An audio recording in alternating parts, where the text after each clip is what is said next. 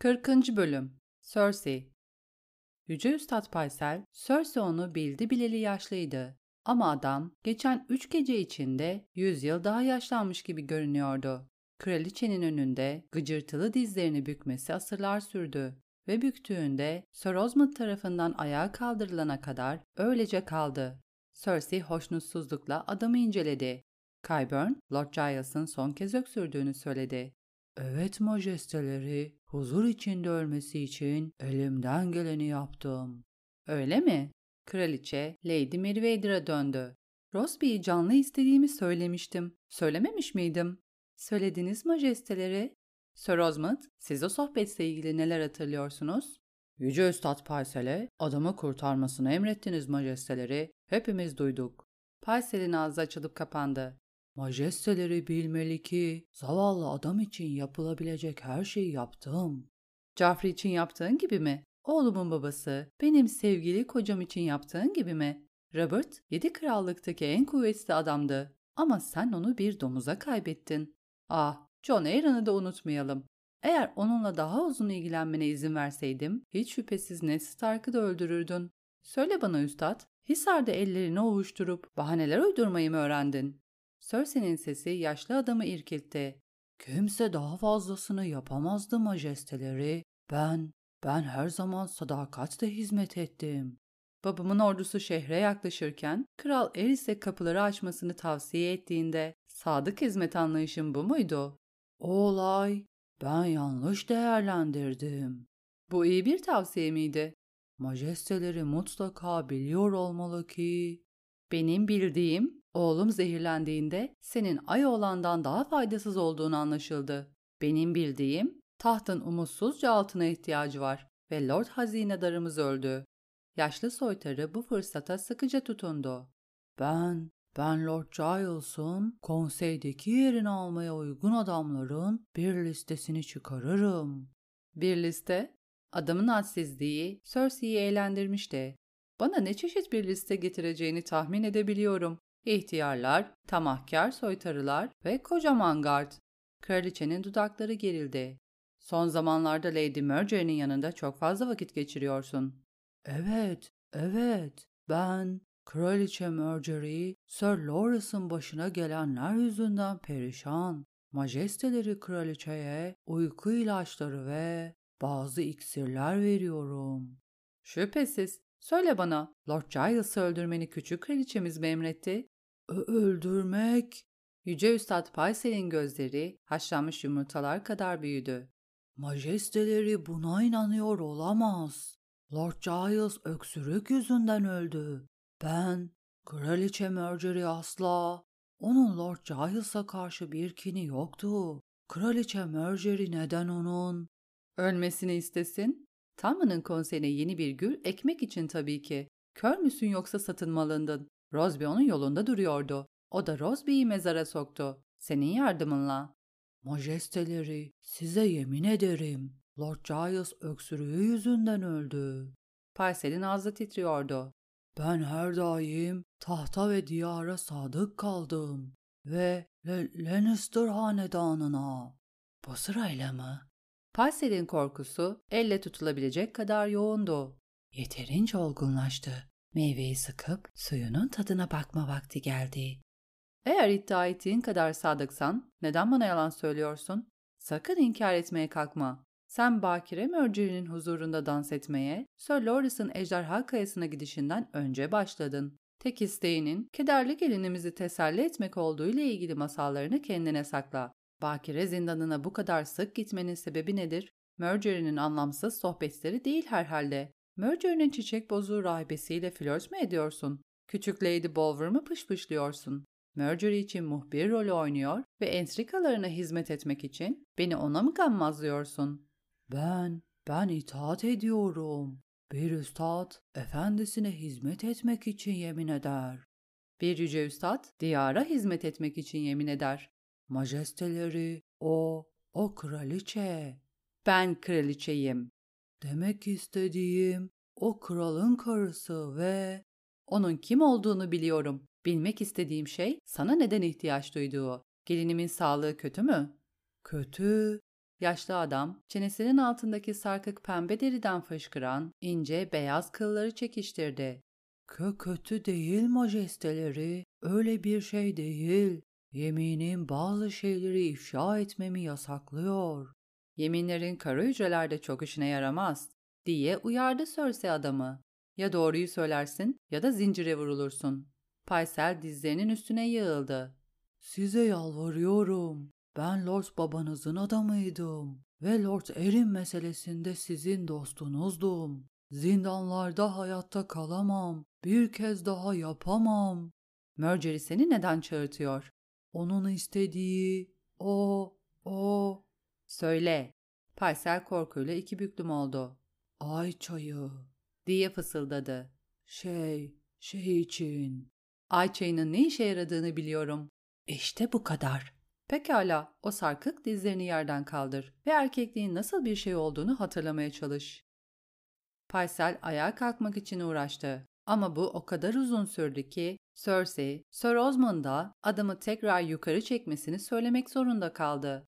Lord Giles'a gelince hiç şüphe yok ki yukarıdaki babamız onu adilce yargılayacak. Arkasında bir çocuk bıraktı mı? Kendi kanından bir çocuğu yok ama vesayetindeki çocuk onun kanından değil. Cersei bu rahatsızlığı elinin hafif bir hareketiyle uzaklaştırdı. Giles, acil altına ihtiyacımızdan haberdardı. Bütün arazilerini ve servetini tamına bıraktığını sana söylemiştir şüphesiz. Rosby'nin altınları kraliyetin hazinesini tazelerdi ve adamın arazileriyle kalesi Cersei'nin sadık hizmetkarlarından birine bahşedilebilirdi. Orense olabilir. Oreyn, laf aralarında bir makama ihtiyacı olduğunu ima ediyordu. Bir makamı olmadan lordluğu boş bir ünvandı.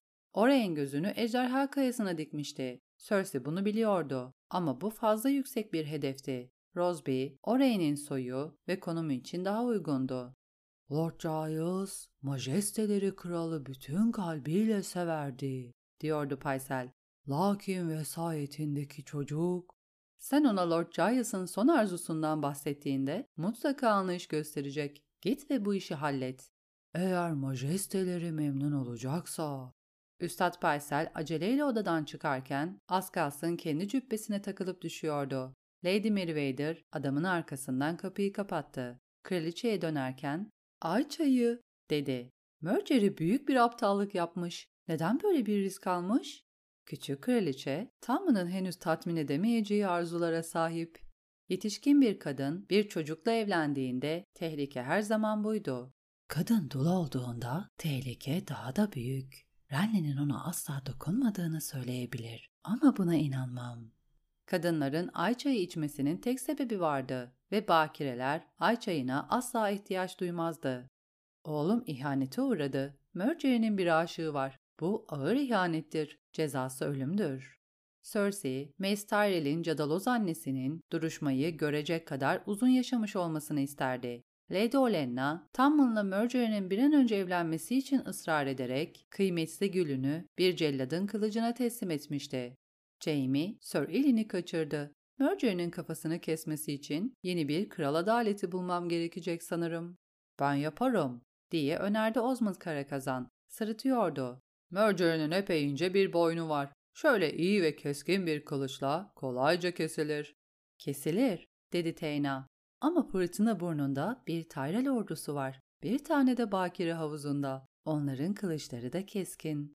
Güllere boğuldum, diye düşündü Cersei. Bu çok rahatsız ediciydi. Mercury'e olmasa da Mace hala ihtiyacı vardı. En azından Stannis mağlup edilene kadar. Sonra hiçbirine ihtiyacım olmayacak. Fakat babayı kaybetmeksizin kızdan nasıl kurtulacaktı? İhanet ihanettir, dedi. Fakat kanıtımız olmalı. Ay çayından daha tatmin edici bir kanıt. Eğer Mercury'nin sadakatsizliği ispat edilirse, Lord babası bile onu mahkum etmek zorunda kalır. Aksi takdirde Mercury'nin utancı onun utancı olur. Kara kazan bıyığının ucunu çiğnedi. Onları iş üstünde yakalamalıyız. Nasıl? Kayburn'un gözleri gece gündüz Mercury'nin üstünde. Kızın hizmetkarları benim şifrelerimi alıyor ama bana önemsiz havadislerden başka bir şey getirmiyor. Kızın kapısının dışındaki kulaklar sadece şarkılar ve dedikodular duyuyor. Şu aşığı henüz kimse görmedi. Mercury öyle kolayca yakalanmayacak kadar akıllıdır, dedi Lady Meriwether. Mercury'nin kadınları onun kale duvarlarıdır. Mercury ile uyurlar, onunla dua ederler, onunla kitap okurlar, onunla dikiş dikerler. Mercury, kuş avına gitmediği ya da at gezintisine çıkmadığı zamanlarda küçük Alison Bower'la Chateau oynar. Etrafta erkekler varken Mercury'nin yanında rahibesi veya kuzenleri olur. Ara sıra eşlikçilerinden kurtuluyor olmalı diye ısrar etti kraliçe. Sonra aklına bir fikir geldi. Mercury'nin lady'leri de bu işin bir parçası olabilir. Hepsi olmasa da bazıları. Kuzenleri mi? Teyna'nın sesi kararsızdı. Kızların üçü de Mercury'den daha küçük ve daha masum. Bakire beyazları giymiş iffetsiz kızlar. Bu sadece onların günahlarını daha sarsıcı yapar. İsimleri utançla anılacak. Kraliçe, zaferin tadını ağzında hissedebiliyordu. Teyna, senin kocan benim yargıcım. İkiniz bu akşam benimle birlikte yemek yemelisiniz. Cersei bu işin bir an önce hallolmasını istiyordu. Marjorie, yüksek bahçeye dönmeyi ya da ölümün kapısında yaralı ağabeyiyle birlikte olmak üzere ejderha kayasına yelken açmayı düşünmeden önce. Aşçılara bizim için yaban domuzu kızartmalarını emredeceğim. Ve tabii müziğimiz de olmalı. Hazmı kolaylaştırır. Teyne çok hızlıydı. Müzik, aynen öyle. Gidip kocana haber ver ve şarkıcıyı ayarla, dedi Cersei. Sir Osmond, siz kalabilirsiniz. Konuşacak çok şeyimiz var. Kaybörne de ihtiyacım olacak. Maalesef mutfakta yaban domuzu olmadığı anlaşıldı ve ormana avcı gönderecek vakit yoktu. Bunun yerine aşçılar kaledeki dişi domuzlardan birini kesti. Akşam yemeğinde bal sosu ve kuru vişne ile tatlandırılmış karanfilli domuz budu servis edildi. Cersei'nin istediği şey bu değildi ama idare etti. Domuzdan sonra keskin beyaz peynir eşliğinde kızarmış elma yendi. Lady Tayna her lokmanın tadını çıkardı. Ortam Meriwether karısı kadar keyifli değildi. Adamın yuvarlak yüzü çorbadan tatlıya kadar solgun ve asıktı. Adam çok fazla içti ve şarkıcıya kaçamak bakışlar atıp durdu. Sonunda Cersei, Lord Giles'ın ölümü büyük talihsizlik, dedi. Bununla birlikte kimsenin onun öksürüğünü özlemeyeceğini söyleyebilirim. Evet, evet, bence de öyle. Yeni bir Lord Hazinedar'a ihtiyacımız olacak. Vadi o kadar karışık olmasaydı Peter Baelish'i geri getirebilirdim. Lakin Sir Harris'i denemek niyetindeyim. Giles'tan daha kötü bir iş çıkaramaz ve öksürmüyor. Sir Harris, kral eli, dedi Teyna. Sir Harris bir rehine ve bir rehine olmakta bile yetersiz. Tamman'ın daha zorlu bir ele sahip olmasının vakti geldi. Lord Ortan bakışlarını şarap kadehinden kaldırdı. Zorlu, elbette. Duraksadı. Kim? Siz lordum. Bu sizin kanınızda var. Büyük babanız Erisineli olarak benim babamın yerini almıştı. Tywin Lannister'ı Owen Merryweather'la değiştirmenin bir savaş atını bir eşekle değiştirmekten farksız olduğu anlaşılmıştı. Ama Owen, Eris tarafından el seçildiğinde işi bitmiş yaşlı bir adamdı. Owen'ın torunu daha gençti ve güçlü bir karısı var. Tayna'nın el olarak hizmet verememesi talihsizlikti. Lady Meriwether kocasından üç kat daha erkekti ve çok daha eğlenceliydi. Fakat aynı zamanda Mir doğumluydu ve kadındı. Yani Cersei ortanla yetinmek zorundaydı. Sir Harris'ten daha ehil olduğunuza eminim. Lazımlığımı muhteviyatı bile Sir Harris'ten daha ehil. Görevi kabul edecek misiniz? Ben, evet elbette. Majesteleri bana büyük bir onur bahşediyor. Hak ettiğinden daha büyük. Bana bir yargıç olarak başarıyla hizmet ettiniz lordum ve önümüzdeki zorlu günlerde de aynı şeyi yapmaya devam edeceksiniz. Kraliçe, sözlerinin ne anlama geldiğinin Meriwether tarafından anlaşıldığını gördüğünde şarkıcıya döndü. Ve yemek boyunca çaldığın tatlı şarkılar için sen de ödüllendirilmelisin. Tanrılar sana yetenek bahşetmiş. Şarkıcı reverans yaptı. Majesteleri çok nazik. Nazik değil, dedi Cersei. Sadece dürüst. Teyna'dan öğrendiğime göre sana mavi ozan diyorlarmış. Evet majesteleri. Şarkıcının çizmeleri mavi dana derisinden, pantolonu da mavi yünden yapılmıştı. Mavi ipek tuniğinin astarı parlak mavi satendi. Adam saçlarını tiroş tarzında maviye boyayacak kadar ileri gitmişti. Adamın dalgalı uzun saçları omuzlarına dökülüyor ve gül suyuyla yıkanmış gibi kokuyordu. Mavi güllerin suyuyla hiç değilse dişleri beyaz. Şarkıcının dişleri güzeldi. En ufak bir eğrilikleri yoktu. Başka bir adım var mı? Şarkıcının yanaklarına hafif bir pembelik yayıldı. Çocukken Watts derlerdi. Tarla süren bir çocuk için iyi bir isim. Lakin bir şarkıcıya uygun değil. Mavi Ozan'ın gözleri Robert'ın gözleriyle aynı renkteydi. Cersei sırf bunun için ondan nefret etti. Lady Marjorie'nin seni neden sevdiğini anlamak kolay. Kraliçe Marjorie çok nazik, ona zevk verdiğimi söylüyor. Ah, bundan eminim. Udunu görebilir miyim? Eğer majesteleri memnun olacaksa. Şarkıcının nezaketinin altında bir parça huzursuzluk vardı. Ama yine de udunu Cersei'ye uzattı. Kraliçeyi kimse reddedemezdi. Cersei udun bir telini çekti ve çıkan sese gülümsedi. Aşk kadar tatlı ve hüzünlü. Söyle bana Wat, Marjorie'yi ilk kez yatağa götürüşün, onun oğlumla evlenmesinden önce miydi, yoksa sonra mı? Şarkıcı bir an anlamamış gibi göründü. Anladığında gözleri büyüdü. Majestelerine yanlış bilgi verilmiş. Size yemin ediyorum, ben asla... Yalancı! Cersei, udu şarkıcının yüzüne öyle sert bir şekilde vurdu ki boyalı sert ahşap parçalara ayrıldı. Lord Ortan, muhafızlarımı çağırın ve şu yaratığı zindanlara götürün. Ortan Meriwether'ın yüzü korkuyla nemlenmişti. Bu, ah, kepazelik, kraliçenin kanına girmeye mi yeltenmiş? Korkarım tersi bir durum söz konusu ama şarkıcımız yine de bir hain. Bırakın da Lord Kyburn için şarkı söylesin. Mavi ozan beyazladı. Hayır, Çalgısıyla parçalanan dudağından kan damlıyordu. Ben asla. Lord Meriwether onu kolundan yakaladığında şarkıcı çığlık attı. Anne, merhamet et. Hayır. Ben senin annen değilim, dedi Cersei. Kara hücrelerde bile şarkıcının ağzından inkar, dua ve merhamet yakarışlarından başka bir şey alamadılar. Çok geçmeden şarkıcının kırık dişlerinden çenesine doğru kan boşalıyordu ve adam koyu mavi pantolonunu üç kez ıslatmıştı. Ama yalanlarında hala ısrar ediyordu. Yanlış şarkıcıyı almış olmamız mümkün mü? diye sordu Cersei. Her şey mümkün majesteleri. Endişelenmeyin. Gece bitmeden itiraf edecek. Kyburn zindanlarda kahverengi günlüler giyiyor ve siyah bir demirci önlüğü takıyordu. Mavi Ozan'a döndü. Muhafızlar sana sert davrandıysa özür dilerim, dedi. Maalesef hepsi nezaket yoksunu. Sesi nazikti, şefkatliydi. Senden sadece gerçeği istiyoruz. Size gerçeği söyledim, diye hıçkırdı şarkıcı. Demir prangalar onu soğuk taş duvara yapıştırmıştı.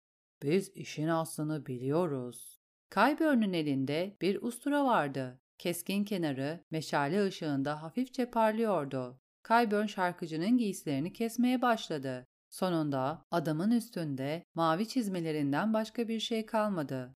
Cersei, şarkıcının bacaklarının arasındaki kılların kahverengi olduğunu görünce neşelendi.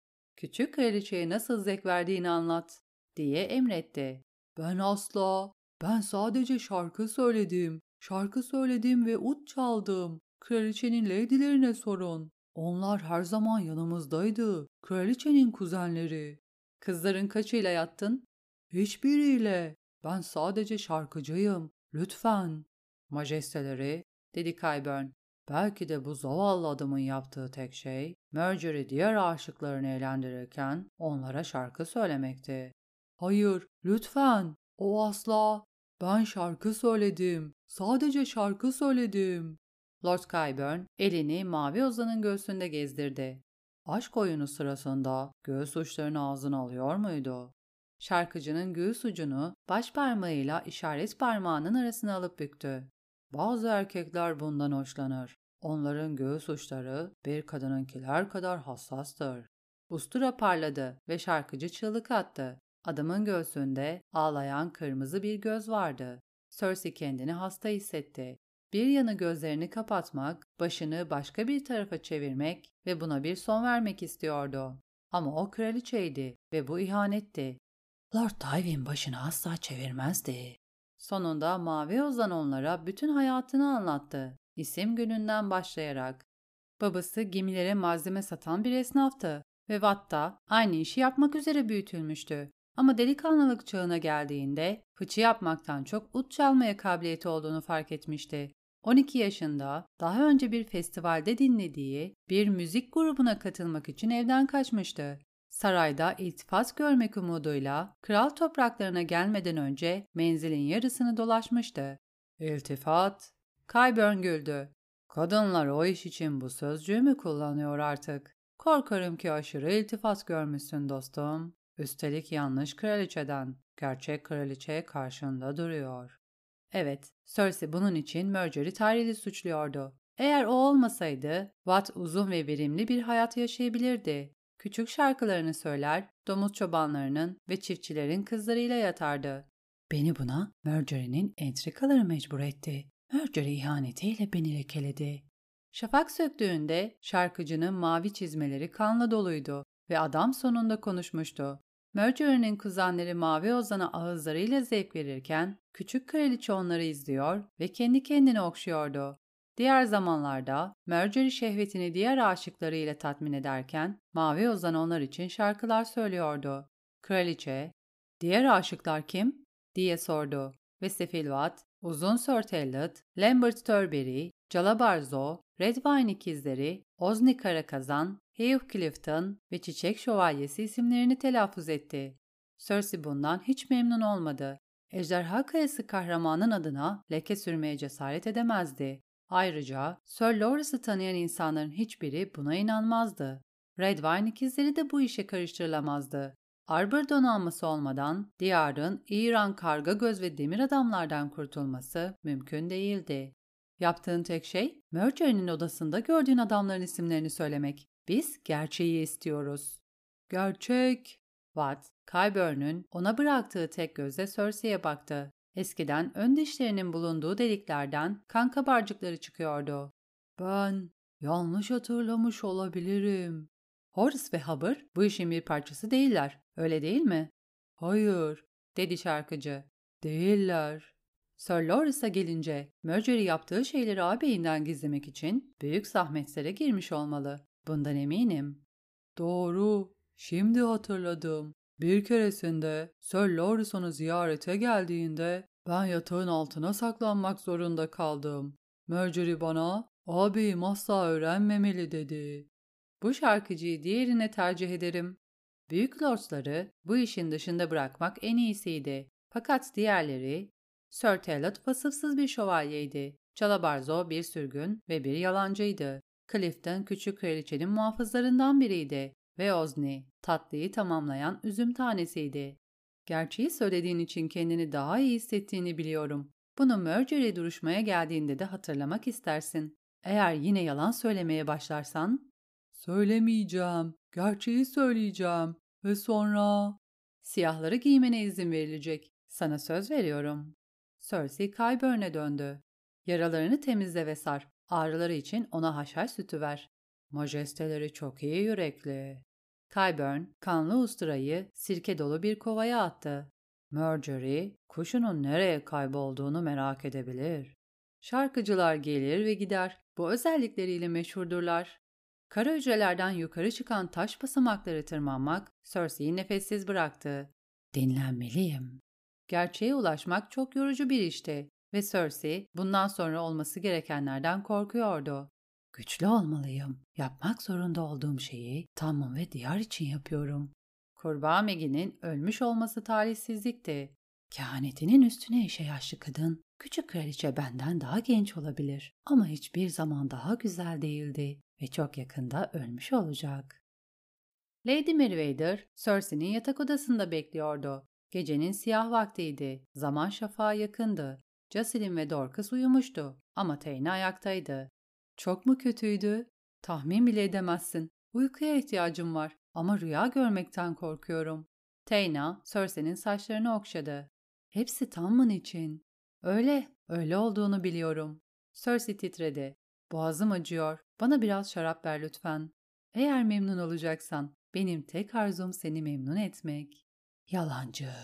Cersei, Tayna'nın ne arzuladığını biliyordu. Sorun değildi. Kadının Cersei ile sarhoş olması, onun ve kocasının sadakatini garanti altına almaya yardım ederdi. Böylesine ihanet dolu bir dünyada sadakat için birkaç öpücük feda edilirdi. Erkeklerden daha kötü değil. En azından beni hamile bırakmak gibi bir tehlike yok. Şarap biraz da olsa işe yaradı. Kraliçe elinde kadehiyle pencerenin önünde dururken kendimi kirlenmiş hissediyorum dedi. Bir banyo seni düzeltir tatlım. Lady Meriwether, Dorcas'ta Jocelyn'i uyandırdı ve onlara sıcak su getirmelerini söyledi. Banyo teknesi doldurulurken Tayna kraliçenin soyunmasına yardım etti. Becerikli parmaklarıyla bağcıkları çözdü. Elbiseyi kraliçenin omuzlarından aşağı çekti ve sonra kendi elbisesini çıkardı. Banyo teknesine birlikte girdiler. Cersei sırtını Tayna'nın göğsüne dayadı. Tamını bu meselenin en çirkin kısmından esirgemeliyiz, dedi Myr'lı kadına. Marjorie onu her gün septe götürüyor. Sir Loras'ın iyileşmesi için tanrılara dua ediyorlar. Çiçek şövalyesi rahatsız edici bir şekilde hala hayata tutunuyordu. Tam'ın kızın kuzenlerini de seviyor. Hepsini birden kaybetmek ona ağır gelecek. Belki de üçü birden suçlu değildir, dedi Lady Meriwether. İçlerinden biri bu işe bulaşmamış olabilir. Eğer o kız gördüğü şeylerden utanmış ve tiksinmişse, diğerlerinin aleyhinde ifade vermeye ikna edilebilir. Evet, harika. Lakin hangisi masum? Allah! Utangaç olan mı? Öyle görünür ama utangaçtan çok sinsidir. Onu bana bırak tatlım. Memnuniyetle. Mavi Ozan'ın ifadesi tek başına asla kafi gelmezdi. Neticede şarkıcılar hayatlarını kazanmak için yalan söylerdi. Eğer Tane onu ele geçirmeyi başarırsa Allah Tyrell çok faydalı olurdu. Sir Osney de itirafta bulunabilir. Diğerleri kralın affını kazanmanın ve Sur'a gitmenin tek yolunun itiraftan geçtiğini anlamak zorunda kalmalı. Calabarzo gerçeği cazip bulabilirdi. Cersei diğerlerinden o kadar emin değildi. Ama Qyburn ikna edici bir adamdı. Cersei ve Tayna banyo teknesinden çıktığında kral topraklarının üzerinde şafak söküyordu. Kraliçenin cildi uzun süre suyun içinde kalmaktan beyazlamış ve buruş buruş olmuştu. Benimle kal, dedi kraliçe Tayna'ya. Yalnız uyumak istemiyorum. Yatağa girmeden önce bir dua bile okudu. Anneye tatlı bir rüya için yalvardı. Nefesini boşa tüketmişti. Tanrılar her zamanki gibi sağırdı. Cersei rüyasında yine kara hücrelerdeydi. Ama bu sefer duvarı zincirli olan kişi şarkıcı değil, Cersei'ydi. Çırılçıplaktı ve iblis tarafından parçalanmış göğüs uçlarından kan damlıyordu. ''Lütfen'' diye yalvardı Cersei. ''Lütfen çocuklarıma zarar verme.'' Tyrion sadece kötü kötü baktı. O da çıplaktı. Vücudunu kaplayan kıllar yüzünden bir erkekten çok küçük bir maymun gibi görünüyordu. ''Onların taç giydiğini göreceksin.'' dedi ve onların öldüğünü göreceksin. Sonra Cersei'nin kanayan göğsünü ağzına aldı ve emmeye başladı. Cersei'nin içine kor bıçak gibi bir acı saplandı. Cersei, Tayna'nın kollarında titreyerek uyandı. Kötü bir rüya, dedi zayıf bir sesle. Çığlık mı attım? Üzgünüm. Rüyalar gün ışığında toza dönüşür. Yine cüceyi mi gördün? O küçük ve aptal adam seni niye bu kadar korkutuyor? Beni öldürecek. Bu ben 10 yaşındayken bir kehanette görüldü. Ben kiminle evleneceğimi öğrenmek istiyordum ama kadın dedi ki, kadın Maggie. Kelimeler Cersei'nin ağzından tökezleyerek çıkıyordu. Cersei, kehanetler hakkında hiç konuşmazlarsa onların asla gerçekleşmeyeceğini söyleyen Melara Hedirsupu'nun sesini hala duyabiliyordu. Ama kuyunun içinde o kadar da sessiz değildi. Çığlık attı ve bağırdı. Tyrion benim olan karım, dedi. Mear'da bu kelimeyi kullanıyor musunuz? Yüksek Valeyra dilinde küçük erkek kardeş demek. Melara boğulduktan sonra Cersei aynı soruyu rahibe Serenella'ya sormuştu. Teyna Cersei'nin elini okşadı. O büyücü nefret dolu bir kadındı. Yaşlı, hasta ve çirkin bir kadın. Sen genç ve güzeldin. Hayat ve gurur doluydun. Kadının Lennis limanında yaşadığını söyledin. Yani kadın cüceyi ve onun Lady anneni nasıl öldürdüğünü biliyordu.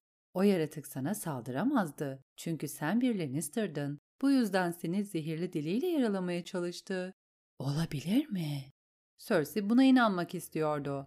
Ama Melara öldü. Tıpkı kadının öngördüğü gibi. Ben Prens Rhaegar'la evlenmedim ve Joffrey, cüce, oğlumu gözlerimin önünde öldürdü. Bir oğlunu, dedi Lady Meriwether. Ama bir oğlun daha var. tatlı ve güçlü bir oğul ve ona asla bir zarar gelmeyecek. Ben hayattayken asla. Böyle söylemek Cersei'nin buna inanmasına yardım etti. Rüyalar gün ışığında toza dönüşür. Dışarıda bulutların arasında sabah güneşi ışıldıyordu. Cersei battaniyenin altından çıktı. Bu sabah kralla birlikte kahvaltı edeceğim. Oğlumu görmek istiyorum. Yaptığım her şeyi onun için yapıyorum. Kral Cersei'yi kendine getirdi. Tamına sabah kedileriyle ilgili gevezelik edip fırından yeni çıkmış kara ekmeğin üstüne bal akıtırken Cersei için daha önce hiç olmadığı kadar kıymetliydi. Sörpençe bir fare yakaladı, dedi annesine. Ama Lady Sakal fareyi ondan çaldı.